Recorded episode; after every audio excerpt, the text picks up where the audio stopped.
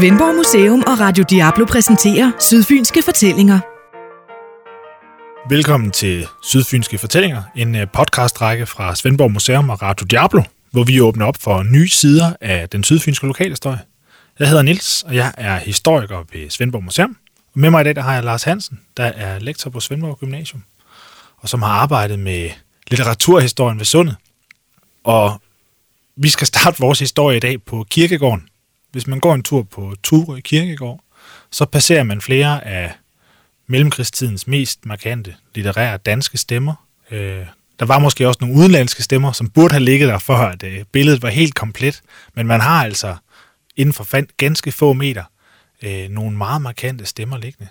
Hvem er det, Lars? Jamen, det er jo rigtigt, og jeg tror, jeg først vil starte med at anbefale alle at tage en tur over på Turø Kirkegård, for det er et meget, meget smukt sted. Og hvis man går forbi kirken og ud på skråningen ned mod øh, sundet, så øh, støder man på øh, tre grave der. Karin Michaelis, for nu at tage dem i kronologisk rækkefølge, og Valdemar Rørdam og Tom Christensen. De er alle begravet der. Det er jo ret naturligt, fordi Svendborg har været et sted, som faktisk har øvet meget stor tiltrækning på skrivende og måske også kreative mennesker sådan generelt gennem årene, og så må nogen af dem jo også øh, dø her selvfølgelig. Men de ligger altså derude, og det er lidt sjovt, fordi de er jo øh, vidt forskellige og har vidt forskellige holdninger øh, og repræsenterer vidt forskellige holdninger fra 30'erne. Og øh, den første grav, vi så kan kigge på, det kunne jo være Karin Michaelis. Øh, hun er måske noget glemt i dag, men hun er ved at blive genopdaget, tror jeg. Men hun kom til øh, øh, Ture i første gang i 1906, sammen med sin mand, der hed Sofus Michaelis. Øh, de var sådan et øh, powerpar, øh, der havde litterær succes. Og de ferierede nede i Svendborg, ligesom mange andre gjorde på det tidspunkt. Det var sådan et kendt badested og kursted i virkeligheden. Og så endte det med, at de mere eller mindre var hernede øh, det meste af tiden. Og øh, Sofus Michaelis siger, at man interesserer sig for, øh, udover for Karin Michaelis, også for mange andre sydfynske piger, og det blev hun lidt træt af. Øh, så i 1911 blev de skilt, faktisk. Og så blev Karin Michaelis boende, og det gjorde hun. Øh, hun havde sit hus på Ture helt frem til slutningen af 40'erne, hvor hun øh, så flyttede til København og døde. Men øh, jeg mener, du har snakket lidt om på et tidspunkt, at det var noget med, hun fortrød skilsmissen lidt på et tidspunkt. Ja, det gjorde hun også. Altså, hun øh, fortalte i et interview, at øh, øh, hun mente jo, at Sofus og jeg øh, passede nu så egentlig så godt sammen, så jeg skulle bare have lavet ham øh, løbe hornen af sig, så var han nok... Øh, så var det nok gået godt. Hun fortrød det, og de havde også øh, kontakt hele livet igennem, faktisk. Altså, så det var ikke øh, nogen øh, dårlig skilsmisse. Altså, man kan, der findes masser af breve imellem dem, og de har haft nogle udvekslinger der hele livet, men øh, den gik altså alligevel ikke. Men hun havde i hvert fald nogle øh, tanker om, at det skulle hun nok bare have accepteret. Men hun, øh, på den anden måde, på den anden måde var det jo rigtig, også, det var rigtig godt for hende, at hun havde det ægteskab, og også at det kuldsejlede, fordi øh, alle hendes bøger kom så til at handle om øh, ægteskab og forhold mellem kønnene, og øh, sådan øh, set indefra en kvindelig bevidsthed. Så det var, og det var faktisk noget helt nyt øh, på det tidspunkt, eller stadigvæk temmelig nyt. Og øh, også den måde, hun behandlede emnerne på. Så øh, det gav hende stof til at skrive, og hun blev øh, faktisk en litterær stjerne, øh, både i Danmark, men ikke mindst i Tyskland og de sydeuropæiske lande, Østrig, Italien, Spanien og sådan nogle steder, hvor hun stadigvæk er et kæmpestort navn. Altså det er øh, stødt på hende igen for nogle år siden, så opdagede jeg, at der bliver holdt Karin Michaelis øh, symposier og seminarer i Italien stadigvæk. Der er hun stadigvæk et stort navn. Måske fordi altså, forholdet mellem kønnene, det er lidt på et andet niveau dernede, eller mere traditionelt, så hun er stadigvæk et, et, et varmt navn. Men altså, hun fik en kæmpestor succes. Hun var Danmarks mest læste forfatter på det her tidspunkt, og hun øh, øh, tjente selvfølgelig mange penge. Og de penge øh, gemte hun ikke i banken, for hun brugte dem på øh, forskellige former for godgørenhed. Altså det var hun meget kendt for, og sådan set også kritiseret for, for at synes, hun var halvtosset. Altså det vil folk vel også mene i dag, hvis man bare hælder pengene ud. Men hun brugte dem også på fornuftige ting. Og da Hitler kom til magten i øh, 1933, så øh, begyndte hun i, i høj grad at finansiere øh, flygtninge fra Tyskland. Altså hendes forfattervenner, alle dem hun havde stødt på, for hun rejste meget rundt i, øh, i hele Europa, havde venner overalt, og pludselig så fik de brug for hende. Og det førte jo til, at øh, hun jo faktisk øh, byggede sådan en mindre flygtningelejr ude på Birke Allé. Et af husene kan faktisk ses endnu. Hun havde en stor grund dengang, men øh, huset blev for lille til de flygtninge, som øh, kom og så byggede hun nogle øh, mindre huse omkring på grunden, hvor der altid var rigtig mange øh, indkvarteret i de øh, år der. En af de mest berømte var jo Bert Brecht, som kom i 33, måtte flygte fra Tyskland der. Og øh, han boede så det første stykke tid ude på Birkeallé og skrev derude, og så, fordi han jo så i modsætning til mange, mange andre flygtninge havde indtægter på grund af sine skuespil ude omkring i Europa, så kunne han købe huse ude på Skovsbro Strand, det nuværende Brægthus, som er sådan en kunstner- og forskerbolig. Øh, og der flyttede han så ud, men havde selvfølgelig kontakt med øh, Karin Michaelis, og øh, han havde jo travlt med at skrive, så øh, hun var mere, altså huse jo, altså faktisk flygtninge det år, det var hendes øh, store virksomhed der i 30'erne. Det blev hun ved med. Ja, og han, har, han skrev jo altså Svendborg-digtene. Ja, Svendborg-digte i, i, i 39, og også berømte stykker som øh, ukaraske vejr og øh, det tredje riges frygter og elendighed. Så altså, man må sige, jeg tror ikke, han brød sig så meget med Svendborg i grunden. Øh, han var fokuseret mere på, at han var flygtning, og han var væk fra det miljø, han egentlig burde virke i, men, øh, men det var en meget produktiv periode for ham, i hvert fald. Og øh, det, det, han manglede jo helt aldrig øh, gæster. Der kom rigtig mange op, øh, som var i samme situation som ham. Så det er ret sjovt, det du siger med, at han i virkeligheden nok ikke kunne lide øh, Svendborg, eller han på en eller anden måde, det må også have været frustrerende at sidde der med den viden, han havde, og de kontakter, han havde, og så se et, øh, et, et Tyskland, der jo hastigt forandrer sig til det dårlige. Ikke? Og han, øh, et af de mine favoritcitater fra, fra Bertolt Brecht, det var han netop for, øh, for sagt, at man, i Svendborg går verden stille under. Ja. Ikke? Det er jo meget rammende, man sidder der ved sundet, mens verden brænder. Det er også rigtigt nok, øh, og han sidder og kigger ud over sundet, og det hele ser idyllisk ud, men bag det hele, øh, for hans øjne, der ser han jo alle lidelserne og elendigheden nede i Tyskland, og det hele er så blandet op med, ja, rigtig dårlig samvittighed over, at det lykkedes ham at slippe væk, og andre sidder nu i koncentrationslejrene. Dem har han jo så også skrevet til og for. Det var i hvert fald det, han, han selv mente. Men han må så flygte videre i 39 jo, da øh, det trak op til en ny, øh, altså til, til besættelse, den tyske besættelse af Danmark. Men det var en produktiv periode for ham, det er der slet ingen tvivl om. Og det er godt, at kommunen har bevaret huset derude. Øh, der kommer øh, spændende mennesker fra hele øh, Europa. Ja, og skriver noget for at bibeholde det forfattermiljø, man jo faktisk opnåede der i, ja, ja. i 30'erne. Ikke? I høj altså, grad. Man blev ved med at tiltrække de der skrivende og tænkende ja. mennesker. Og det betyder jo noget for rigtig mange, at de sidder derude, hvor Brecht faktisk øh, skrev om øh, kirsebærtræet og mange andre ting, som man har lige uden for vinduet stadigvæk. Så det, det er et fantastisk sted, kæmpe aktiv.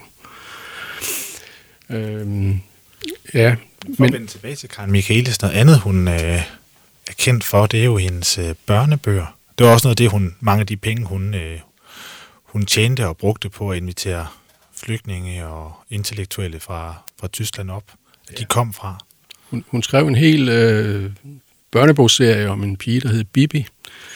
Øh, startede med det i, i 20'erne, og øh, øh, Bibi det er en pige, som øh, øh, er meget på egen hånd. Hendes far er meget fraværende. Hendes mor er død, og øh, hun har en hest. Hun rejser rundt øh, i hele Danmark og senere i hele Europa og møder alle de kendte personer, som Karin Michaelis også kendt fra sine rejser.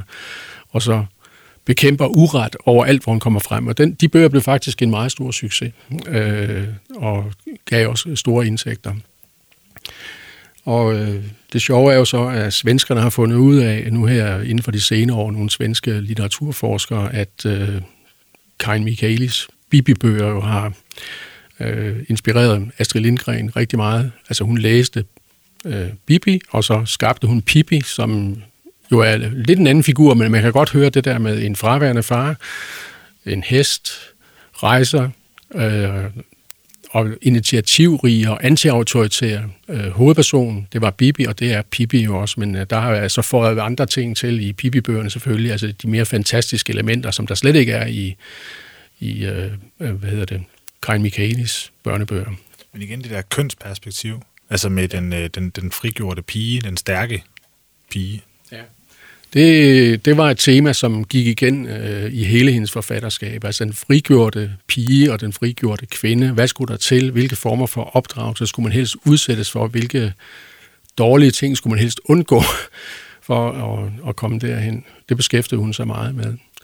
Hun har også skrevet en, øh, en sådan slags øh, science fiction eller fantasy roman, der hedder Den Grønne Ø om Turø, hvor, som øh, også er ret interessant, hvor, øh, og som også afspejler nogle af de idéer fra 30'erne, fordi en morgen vågner man op over på Turø, og så pludselig er, altså, Fyn er forsvundet, og alt er forsvundet, og Turø ligger bare som en lille ensom klat midt i havet, det store hav.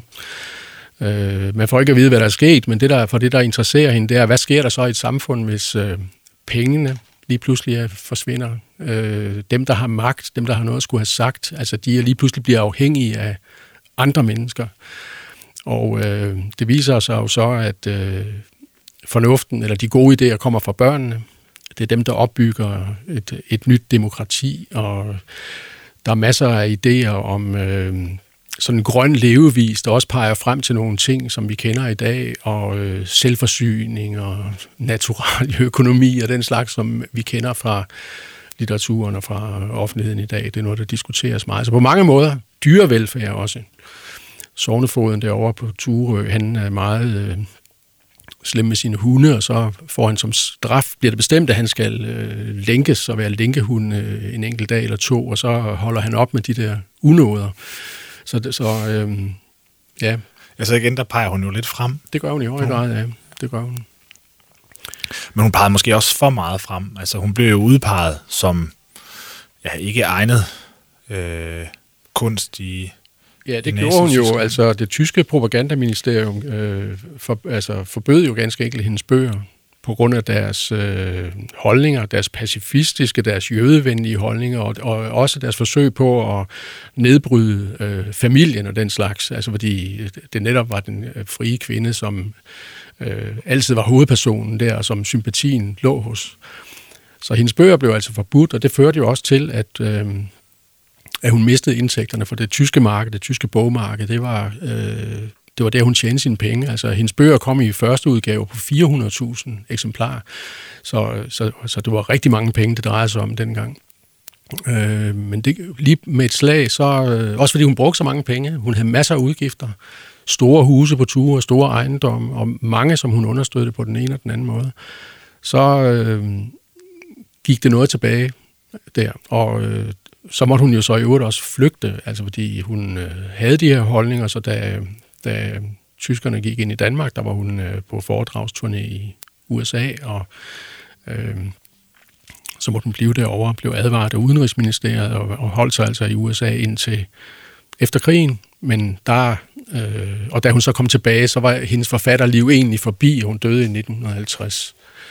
Øh, men altså, der tørrede kilderne ind for hende, men hun har hjulpet rigtig mange, og øh, de tyske emigrantforfattere hjalp så også inde på den anden side i, øh, i øh, USA. Afholdt hendes 70 års fødselsdag i New York. Hun blev æresmedlem af de tyske øh, eksilforfatteres øh, forening derovre, og altså blev støttet af Thomas Mann og Heinrich Mann og Brecht selvfølgelig, og, og mange andre, Hans Eisler, komponisterne, der havde været her i Svendborg tidligere.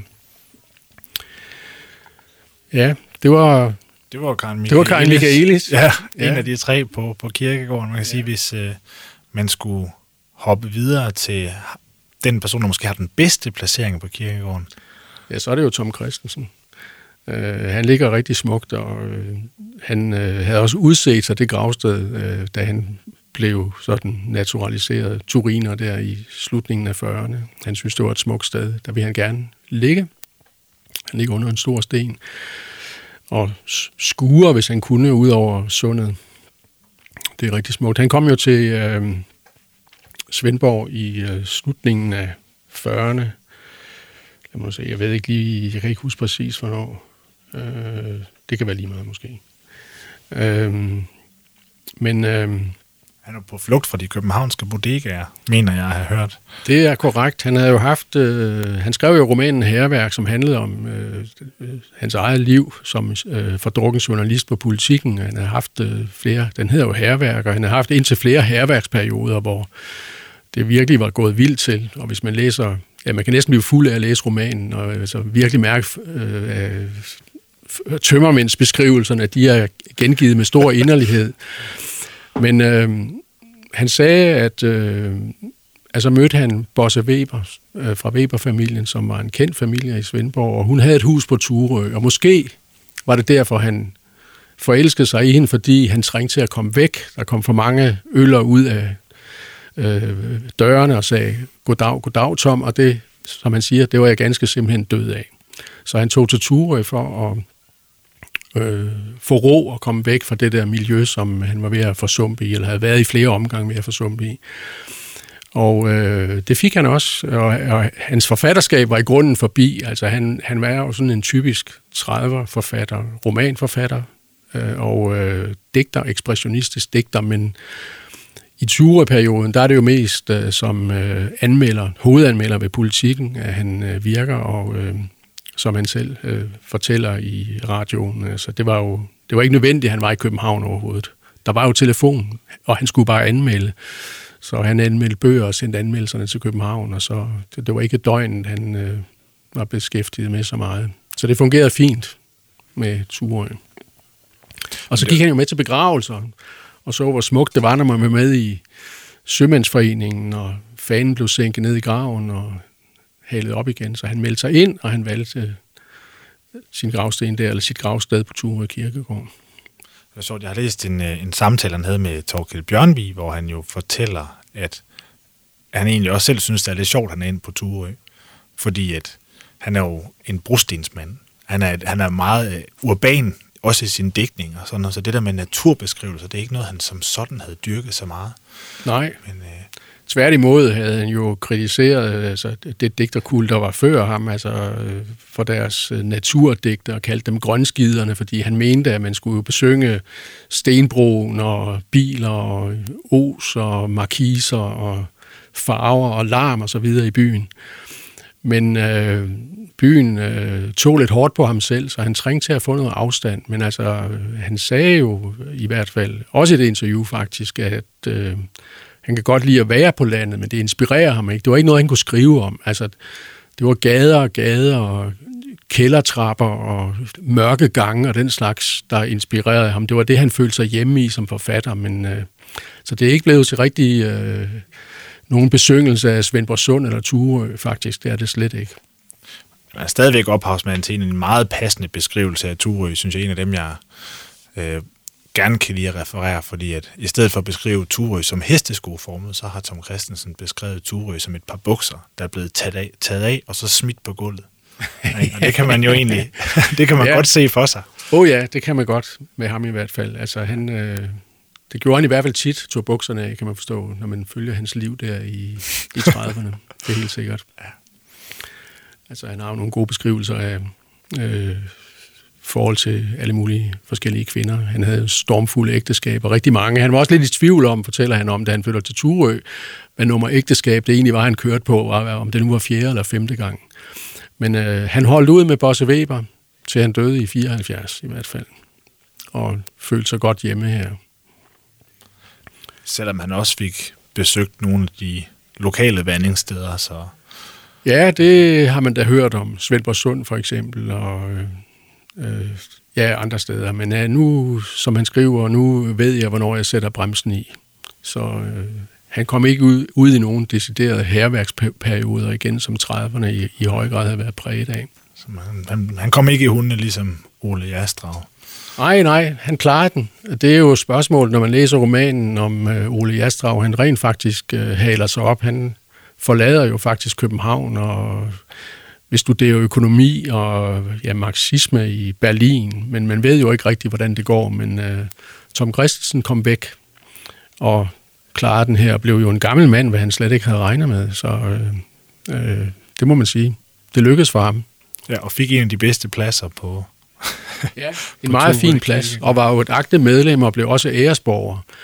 Øh, først på Ture jo i virkeligheden, og han sagde til sovnerådsformanden, det var jeres sidste gode gerning. Altså lige inden uh, Ture og Svendborg blev lagt sammen, så blev han øh, æresborger på Ture.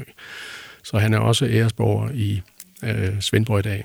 Ja, Men han, han, han fortæller jo, han, han forstår egentlig ikke hvorfor. Han har faktisk ikke gjort noget. Han har bare levet af og for kunst alle de år. Der har egentlig ikke rigtig gjort noget for Svendborg, udover at han selvfølgelig har været her. Desværre er der ikke rigtig nogen øh, øh, levn af ham derovre. Man kan gå ned og se huset. Det er, hele Birke Allé ser jo anderledes ud. Han overtog Karin Michaelis hus og boede det. Torlore, ja.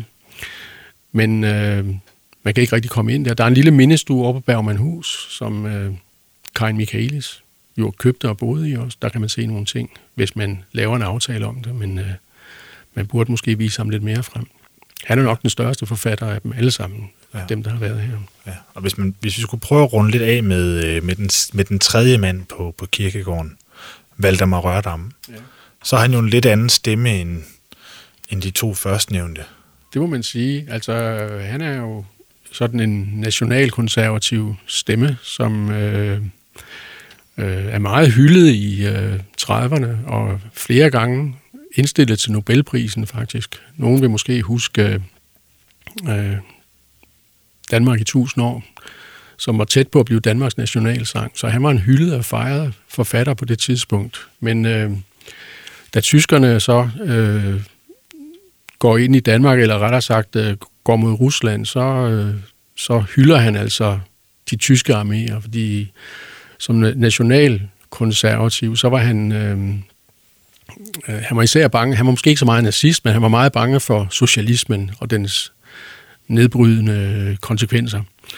Og derfor så hyldede han Hitler, som øh, gik mod øst. Men øh, det betød så også samtidig med, at øh, det var klart, at hele Danmark var utrolig politi- politiseret der i, i starten af 40'erne, hvor tyskerne stod i, i landet. Så det betød også, at han fra den ene dag til den anden var, en, øh, var, jeg var lagt på is. Og øh, det er jo meget mærkeligt, hvis man har levet i 30'erne, vi han være et navn, man kendte, altså et stort navn. Men øh, der gik det mange år, inden jeg stødte på ham. Øh, altså han var ligesom udraderet af litteraturhistorien, bare forsvandt. Øh, han er kommet lidt øh, frem igen det senere år. Øh, Søren Espersen fra Dansk Folkeparti har skrevet en, en øh, biografi om ham, øh, og hvor han prøver på at forklare, hvorfor øh, det, det endte, som det gjorde med Rørdam. Han øh, havde klare sympatier for sådan autoritære regimer, men øh, han mener jo ikke, at han, er, han var nazist i hvert fald. Øh, men han var altså bange for øh, socialismen og det røde Rusland. Øh, og det kan der nok også være noget i, fordi han fik tilbud øh, om at skrive for øh, den nazistiske, den nazistiske avis Fæderlandet, og den afslog han, og han havde altid brug for penge. Så, øh, og så det taler, må man sige. Hvis man har brug for penge, og så faktisk siger nej, så er det ja, jo noget, der...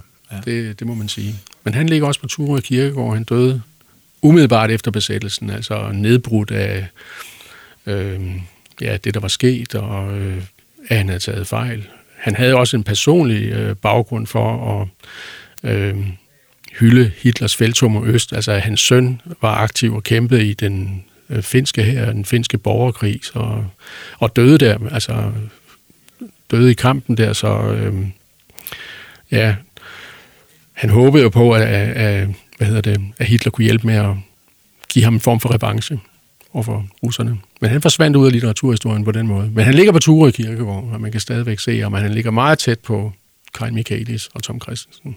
Så de... Og meget forskellige stemmer side om side.